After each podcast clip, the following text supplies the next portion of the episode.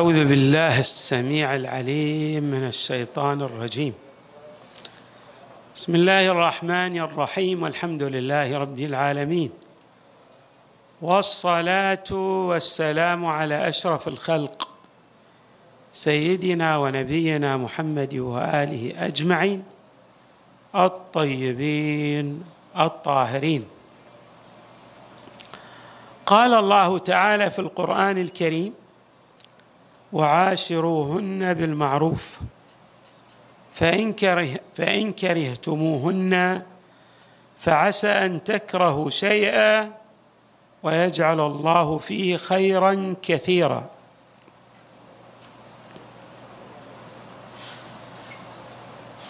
العلاقة الزوجية بين الزوج والزوجة يشوبها كدر ويعتريها الكثير من الإشكاليات. وحري بكل من الزوج والزوجة أن يلتفت إلى أهمية إصلاح الحال.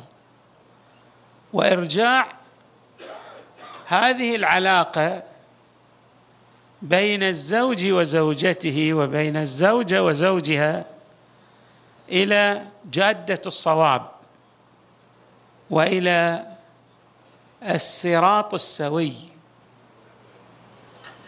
والقرآن الكريم في هذه الآية المباركة يشير بل يفصح عن ذلك. اولا يأمر بالمعاشرة بين الزوج وزوجه بالمعروف والمعروف هو الأمر الذي تعارف عليه الناس فأصبح مالوفا بخلاف المنكر الذي يشكل ظاهرة سلبية. ثم يبين الحق تبارك وتعالى امرا له أهميته الكبرى. ما هو؟ هو أنه مهما تعامل كل من الزوج مع زوجته والزوجة مع زوجها بالمعروف لابد أن تحدث بعض الإشكاليات. لماذا؟ لأن الزوج ليس نسخة مكررة عن زوجته. والزوجه أيضا ليست نسخة مكررة عن زوجها. هناك اختلاف في الجانب الثقافي والأسري والعلمي والمعنوي أيضا. تجد بعض الأزواج تجد بعض الأزواج لديه قدرة كبيرة على التحمل والصبر والتسامح. وتجد البعض الآخر يكاد أن يكون نارا مشتعله يعني لا قدرة له على أي تحمل وينفعل سلبا من أتفه الأسباب. الحق تعالى اذا يبين لنا أن الاختلاف سنة طبيعية ولهذا إذا حصل شيء نكرهه حصل شيء لا نحبذه لا نحبه. ليس معنى ذلك أن نفصل العلقة الزوجية. العلقة الزوجية حري بنا أن نوطد عراها وأن نزيل الأسباب المؤثرة عليها الأسباب السلبية المؤثرة عليها أن نزيل هذه الأسباب. ونرجع الأمور إلى طبيعتها. فإذا كرهنا شيئا لا يعني ذلك الكره أن من اتصف بتلك الصفة السلبية من الزوج أو الزوجة لا يوجد عنده جوانب إيجابية أخرى. لديه جوانب إيجابية ولهذا حري بنا أن نلتفت إلى هذه الجوانب الإيجابية وأن ننطلق منها في تلافي الجانب السلبي. ولهذا التعبير القرآني دقيق فعسى أن تكرهوا شيئا ويجعل الله فيه خيرا كثيرا. هذا الأمر الذي يكرهه الزوج من زوجته أو بالعكس الزوجة من زوجها صحيح أنه جانب سلبي وقاتم ولكن هناك جوانب أخرى مضيئة وحري بكل من الطرفين أن يلتفت إلى تلكم الجوانب الإيجابية والمضيئة والتي تشكل بلسما لشفاء الجراح التي حصلت من الجانب السلبي. ثم يوصي الحق تبارك وتعالى بوصيه. هذه الوصية عامه لا تختص بالزوجين بل للمجتمع البشري ككل. يقول إن الله يأمر بالعدل والإحسان. يعني في التعامل الأمثل بين الناس الله لا يأمر فقط بالعدل بل يأمر بما هو أعظم من العدل. يأمرنا أن نتصف بصفاته تبارك وتعالى. وهي الإحسان. العاد وضع الأمور في نصابها. يعني أحاسب من غلط على ذلك الغلط الذي اقترفه. ولكن الإحسان ما يراد به التجاوز عن إساءات الغير وغض الطرف. بل وإبدال السيئة بالحسنة. وإبدال القطيعة بالصلة. الإحسان هو مكارم الأخلاق. ولهذا الله يقول إن الله يأمر بالعدل والإحسان. طيب النبي صلى الله عليه وآله الذي هو قدوة ليس فقط للمؤمنين والمسلمين بل هو قدوة للمجتمع البشري بكل أطيافه لأن النبي صلى الله عليه وآله هو أكمل الخلق أعظم الخلق أفضل الخلق. والأخلاق التي اتصف بها وصفت من قبل الحق تبارك وتعالى بأنها عظيمة ويكفينا هذا الوصف في الالتفات الدقيق والتأمل وإمعان النظر في هذه الأخلاق الفاضلة التي اتصف بها المصطفى صلى الله عليه وآله. كلنا نرنو للخير ونطمح أن نكون من أفضل الناس لكن الإتصاف بالخير والكون من أفضل الناس يتوقف على بعض الأفعال.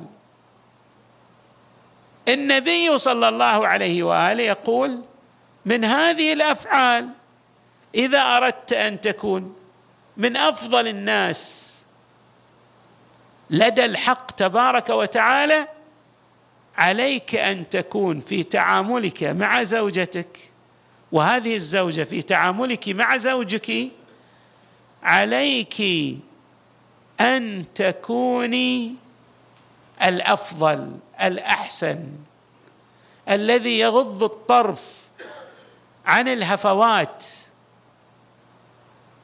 ويبدل السيئة بالحسنة.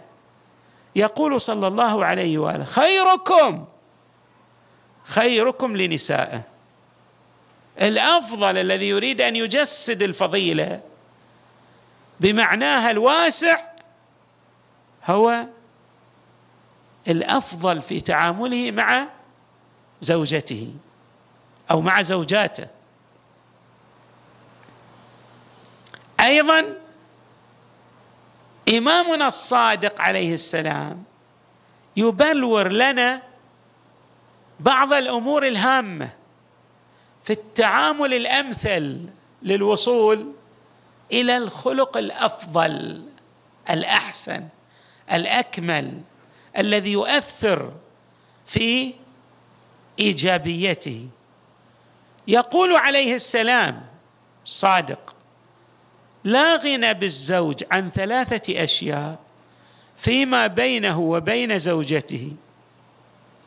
على الزوج أن يتصف بأمور ثلاثة حتى تكون هذه الحياة الزوجية تسير في مسارها اللاحب في صراطها السوي.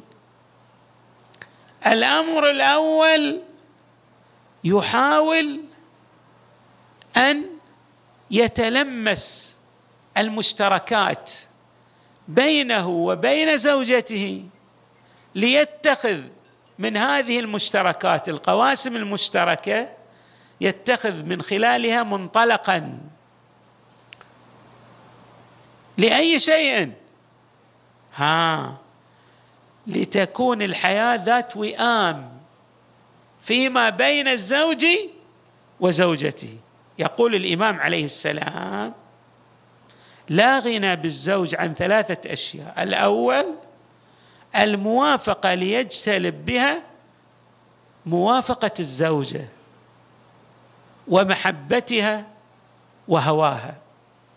إذا تتفق معها على مجموعة من هذه المنطلقات المشتركة وتركز على هذه المنطلقات سوف يميل قلبها إليك وتبادلك مشاعر الود والمحبة.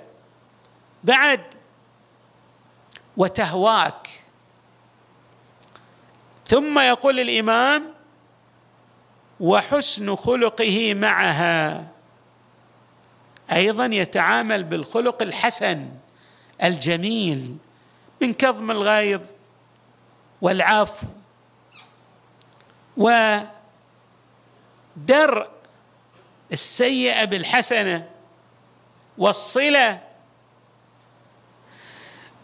الإمام يقول وحسن خلقه معها واستعماله استمالة قلبها بالهيئة الحسنة في عينها. إيش معنى واستعماله استمالة قلبها؟ يعني دائما تظهر لها بالمظهر الجميل. كما تحب أن تظهر لك هي بالمظهر الجميل والأنيق. كما تريد أن تظهر في أجمل صورة لك حاول أيضا أن تظهر نفسك في أجمل صورة لها. بالهيئة الحسنة في عينها. بعد الأمر الثالث.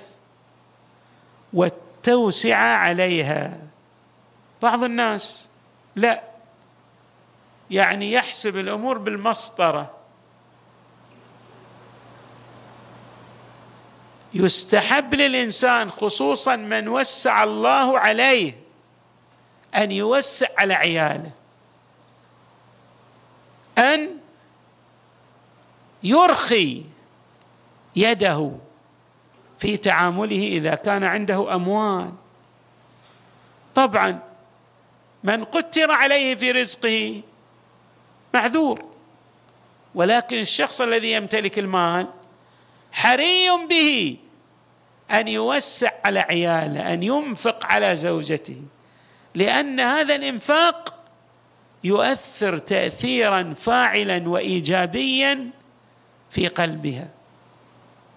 إحسان هو.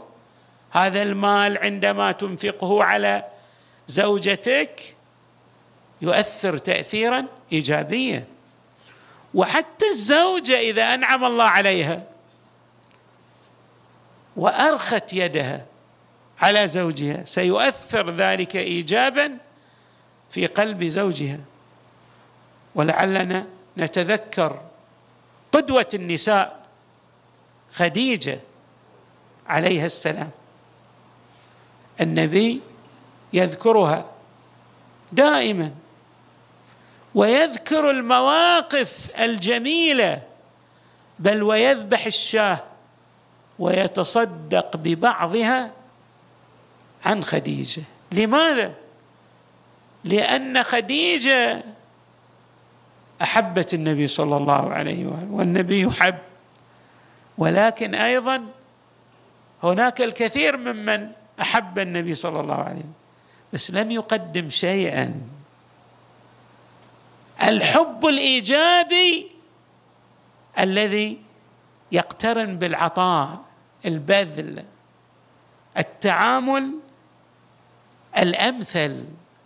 والأفضل. ولهذا الزوج إذا أصبح كريما في تعامله أحبته الزوجة وبذلت الغالي والنفيس لإرضائه لأنه لأنها تعرف أن هذا الزوج يمثل مصدرا للخير والعطاء والكرم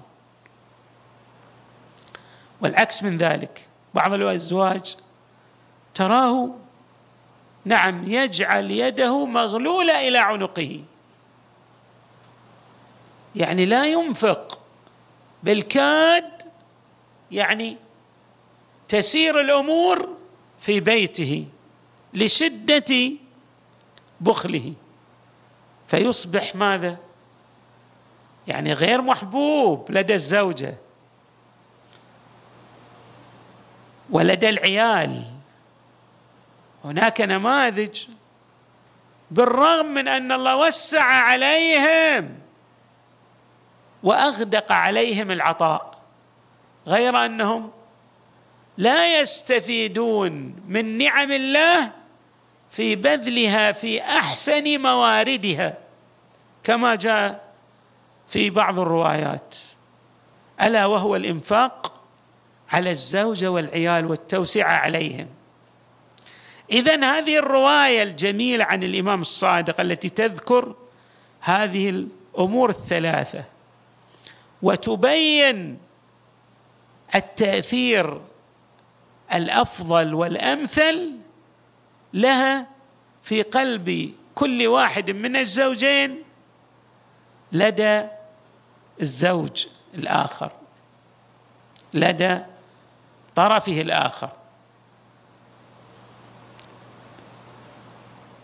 أيضا هناك رواية قلنا يستحب للزوج أن يوسع على زوجته لكن قد يكون الزوج مثل ما نعبر إحنا على قدر حاله.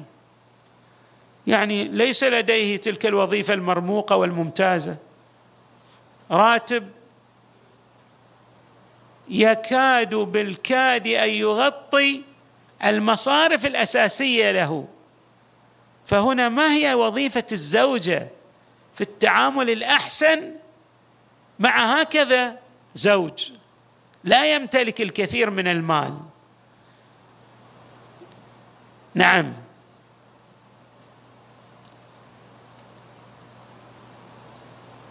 اولا هذه رواية عن النبي صلى الله عليه وآله ألا تكلف زوجها ما لا يطيق.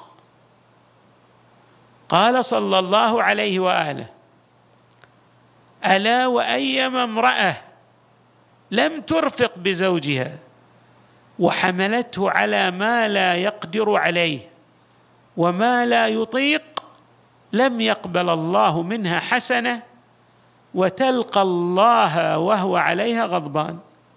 هذه المرأة التي تدخل زوجها في نفق مظلم من الديون وتلح عليه في الصرف بما لا يستطيعه ولا يقدر عليه. ما هو الجزاء لها عند الله تبارك وتعالى؟ لأنها تحمل زوجها كما قلنا الهم. والدين والضيق. يقول صلى الله عليه وآله نعم. لم يقبل الله منها حسنة. اولا أعمالها الصالحة تكون محجوبة إلا أن تتوب وترجع إلى الله. وإذا لم تتب لم ترجع إلى الله وبقيت سادرة في غيها وعنادها سوف تلقى الله وهو عليها غضبان. لا يرضى لها فعلا. وهكذا أيضا الحال في الزوج الذي يشق على زوجته ويكلفها ما لا تطيق ويدخلها في متاهات بتعامله العسر معها وإياها. هذا الزوج شنو؟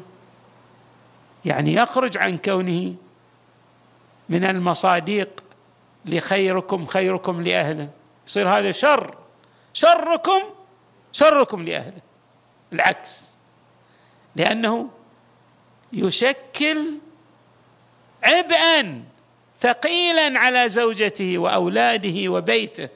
ويجعل البيت يعيش ماذا؟ حياة. ملؤها النكد. وعدم الاستقرار. كل هذه الروايات حري بالمؤمن أن يقف متاملا في مضامينها ليستوحي هذه المعاني التي أشارت إليها بل أفصحت عنها هذه الروايات وليطبق هذه المضامين العالية التي جاءت فيها على شخصيته. عندما يقرأ هذه الروايات ويطبقها على شخصيته. بالتأكيد ستنعكس ايجابا وستكون الحياة ملأى باليسر والسهولة والخير والبركة. نسأل الله تعالى أن يجعلنا وإياكم من السائرين على هذا الهدي الذي جاء عن المصطفى صلى الله عليه وآله وعن الأئمة من أهل بيته البررة الميامين وصلى الله وسلم وزاد وبارك على سيدنا ونبينا محمد وآله أجمعين الطيبين الطاهرين.